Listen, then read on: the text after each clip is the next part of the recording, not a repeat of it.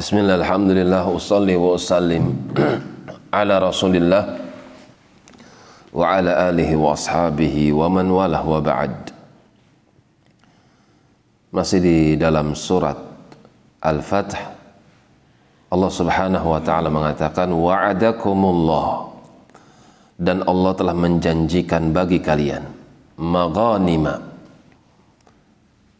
harta rampasan perang kathiratan yang banyak lagi melimpah. Ta'khudunaha yang pasti kalian akan meraihnya. Allah menjanjikan harta rampasan perang. Menandakan janji ini adalah janji kemenangan. Kemenangan dari peperangan-peperangan yang akan dilalui oleh kaum muslimin. Ta'khudunaha yang pasti kalian akan mengambilnya fa'ajjala lakum hadhihi adapun peperangan yang ini maksudnya Khaybar suluh Hudaybiyah perjanjian Hudaybiyah fa'ajjala lakum. Ini adalah salah satu bukti kemenangan untuk kalian. Wa kaffa aydiyan nasi ankum. Di mana manusia menahan tangannya untuk tidak memerangi kalian. Karena isi perjanjian Hudaybiyah adalah gencatan senjata selama 10 tahun. Kaum muslimin tidak memerangi mereka, mereka pun tidak memerangi kaum muslimin. Perjanjian Hudaybiyah. Wa kaffa aydiyan nasi ankum. Allah tahan tangan-tangan manusia untuk tidak melukai kalian dengan senjata-senjata mereka.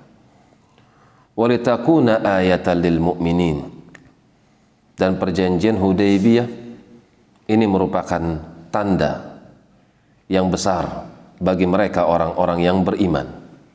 Setelah perjanjian Hudaybiyah terjadi, apa yang Allah janjikan dari ghanimah yang melimpah, yaitu perang Khaybar yang dimenangkan oleh kaum muslimin. Wa yahdiyakum dan Allah ingin memberikan hidayah kepada kalian berupa ilmu, berupa amal siratan mustaqima yang membimbing kalian kepada jalan yang lurus. Wa ukhra dan masih ada yang selainnya dari kemenangan-kemenangan. Lam taqdiru alaiha. Yang kemenangan-kemenangan tersebut belum kalian raih belum kalian ambil kemenangan tersebut belum terrealisasi pada diri-diri kalian.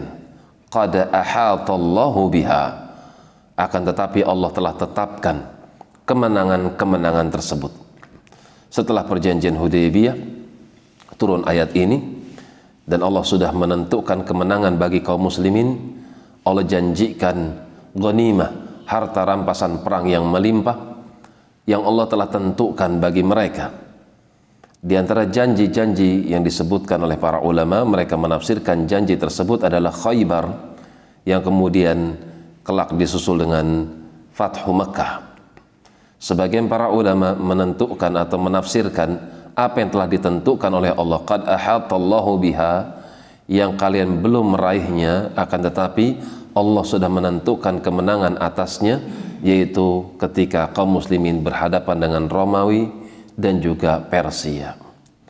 Wa kana Allahu ala kulli syai'in qadira dan Allah Subhanahu dia maha kuasa atas segala sesuatu.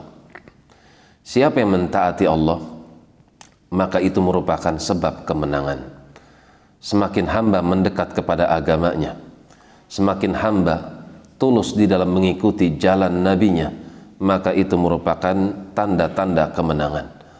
Akan tapi ketika manusia kaum muslimin khususnya dia tinggalkan sunnah Nabi Sallallahu Alaihi Wasallam, dia pilih jalan selain daripada jalan sunnah, apalagi dia atas namakan agama, maka sulit bagi mereka untuk mendapatkan pertolongan Allah Subhanahu Wa Taala.